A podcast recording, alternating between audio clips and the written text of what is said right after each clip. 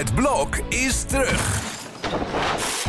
Vier koppels, vier bouwvallen, vier verbouwingen en dus een hele hoop stress. Het blok, iedere werkdag om half negen bij net vijf.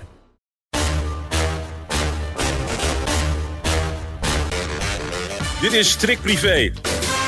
De dagelijkse showbiz-update met Evert Zandgoeds en Jordi Versteegde.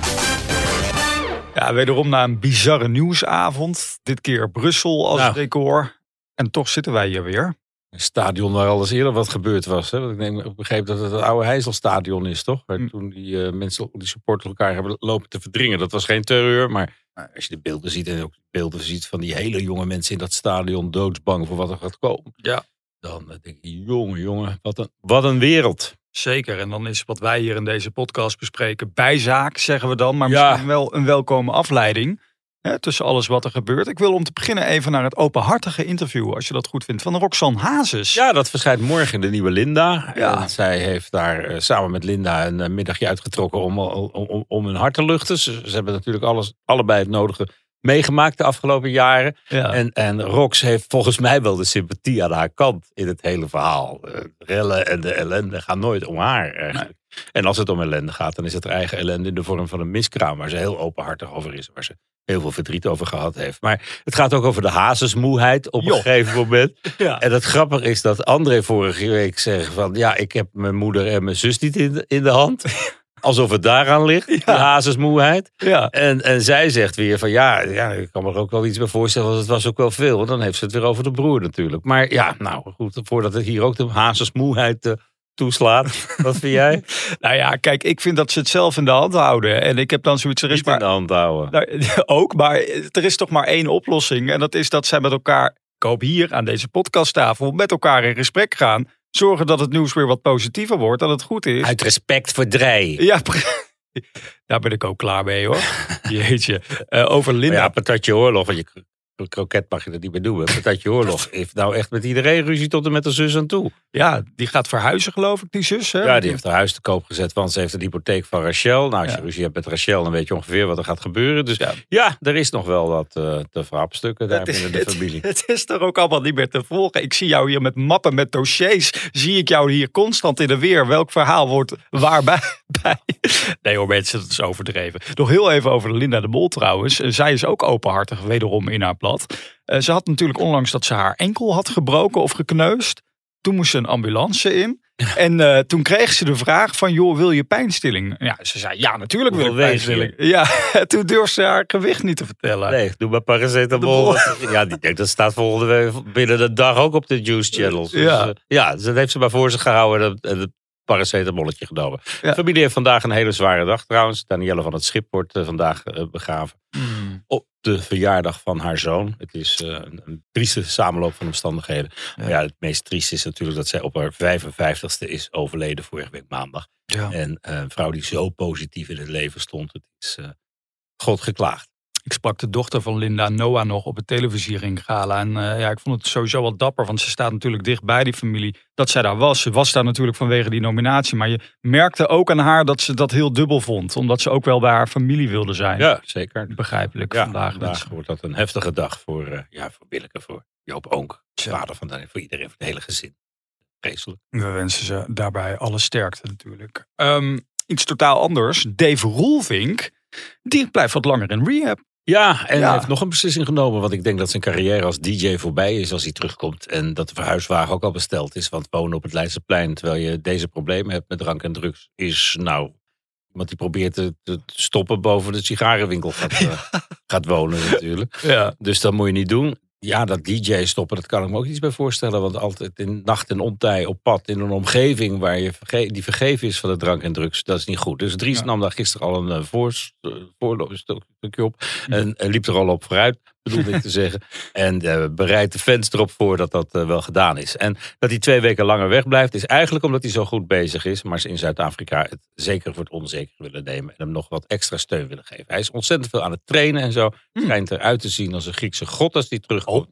Dus het gaat op zich goed met Dave. Ja. En hij is op tijd terug voor de verjaardag. De tweede verjaardag van zijn zoontje. En het concert van zijn vader in het Koninklijk Concertgebouw. Ja, want wat moet Dries daar ook zenuwachtig voor zijn? Nog maar drie weken geloof Ja, ik. het eh, valt wel mee. Ik sprak hem dus gisteren en hij klonk ja, alsof hij alles onder controle heeft. Hij, werkt er ook al heel lang aan. En eh, nou, ik verheug me er wel op, moet ik zeggen. Ja, gisteren zat hij ergens weer in een eh, hotel, een van zijn favoriete hotels. En zag ik dat hij zelf de VIP-kaarten ook ging uitdelen. Dat de mensen geloof ik naar dat hotel moesten komen, zodat hij zelf die... Ja, hij deelt alles op social media. Ja. Ik ben daar fan van. Ik vind dat Hij leuk. heeft zes posts op een dag, soms wel. En vaak komt er wijn in voor, maar gisteren waren het serieuze zaken met de kaarten. Precies. Ruud en Oltje, jouw favoriete stelletje, wil ik nog even naar voren halen. Die zijn nou inmiddels, nou wat is het, eh, twee maanden uit elkaar, maar wonen nog steeds samen. Nou, Nee, ze waren al drie maanden uit elkaar toen wij hoorden dat ze uit elkaar waren. Ja, ze wonen nog samen. Maar ja, dat is natuurlijk de hele situatie in Amsterdam. Dat je niet 1, 2, 3 een ander huis hebt. Maar Ja. Olje heeft nu wel gezegd dat de seks voorbij was. De intimiteit was ver te zoeken. En Intimiteitsvacuum, of ja, dat, dan? hebben we ook iemand zo horen noemen. Ja. Ooit. Ook zo mijn oren zitten klapperen. Maar eh, ja, dat schijnt dan de ware reden geweest te zijn voor, voor de breuk. Ja, ik vind dat voor een man altijd heel lullig om te horen. En dat dat, het met heel Nederland gedeeld wordt. Ja. Want Ruud de Wild is niet meer zo wild dus. Nou, precies. Misschien gaan ze wel wonen in het eh, appartementencomplex trouwens straks, als ze uit elkaar gaan wonen. Altijd wat een rug van Reinoud Hoorlemans. Precies. Ja, ja, ja, die ligt ook onder vuur. Die woont in de L.A. notabene, maar maakt hier ruzie met zijn buren. Die heeft ooit een prachtige oude school gekocht uit 1899, een monument. Hm. Daar vestigde hij destijds het kantoor in van zijn eigen eh, productiemaatschappij iWorks. Die verkocht hij eh, nog later aan Warner Brothers. Toen werd het het hoofdkantoor van Warner Brothers en die huurde dat ook nog eens van hem. Hm. En inmiddels eh, is het, zijn het eh flexplekken, geloof ik. Ja. Maar in de tuin, toen hij het doorverkocht, heeft hij het gebouw verkocht, maar de tuin en de sporthal van die school, de sportzaal van die school gehouden. En de bedoeling is dat daar nu een appartementencomplex gaat verrijzen.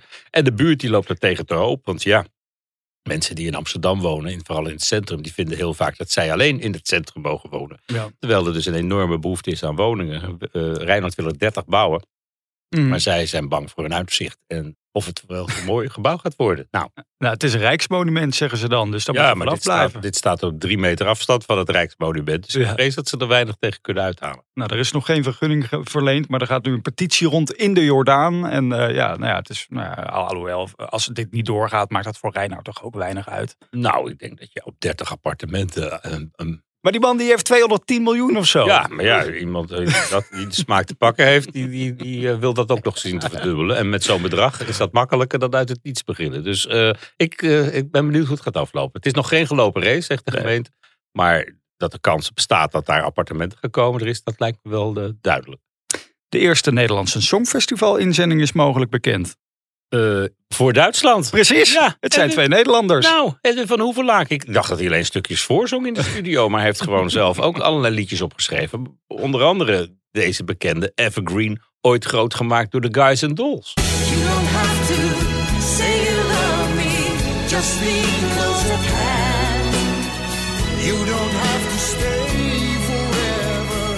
I will understand. Ah, ja, heerlijk. Heerlijk. Blijft dat. Voegt weinig toe aan de versies die er al waren. Maar het prachtige clip zit erbij. Daar staan ze in, in, de, in de mist op een, eh, op een ophaalbrug van een kasteel en zo. En, ja, Wat een en act. Met zijn vriendin Natasja doet hij dit. En eh, als het aan Duitsland ligt, gaan, gaan zij voor Duitsland naar het, eh, Naar Zweden. Zweden. Ja. Want Duitsland zelf is desperaat. Die zijn twee jaar op rij la- als laatste geëindigd. Ja. En nou, dat word je niet als ze zo'n knaller van een hit hebben als, eh, als dit. Er zijn twee liedjes klaar, die zijn ingezonden. En volgens de Duitse eh, producer van Helene Fischer, die ze begeleidt en die ze gevraagd heeft, maken ze een hele goede kans. Wij zijn hashtag team Edwin en Natasja.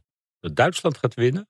Nou ja, ik vind het wel leuk. Twee, eh, we hebben onlangs ook een keer Stefania gehad. Een Nederlandse die namens Griekenland naar is waar. Ja. Ging. Dus- Griekenland, ja. Ja, waanzinnige zangeres. Dus wat dat betreft, alles wat uit Nederland komt, dat steunen wij toch gewoon. Ja, dat, Ach, dat is zeker. daarom. Morgen, dan is het privé-day. Ja, Wat kunnen we ervan uh, verwachten? Heb je Ja. een tipje van de sluier? ja, ja. ja is hem niet Oh, even, altijd moeilijk. gaan het er morgen over hebben. 12 uur mensen, dan zijn we er weer. Tot dan.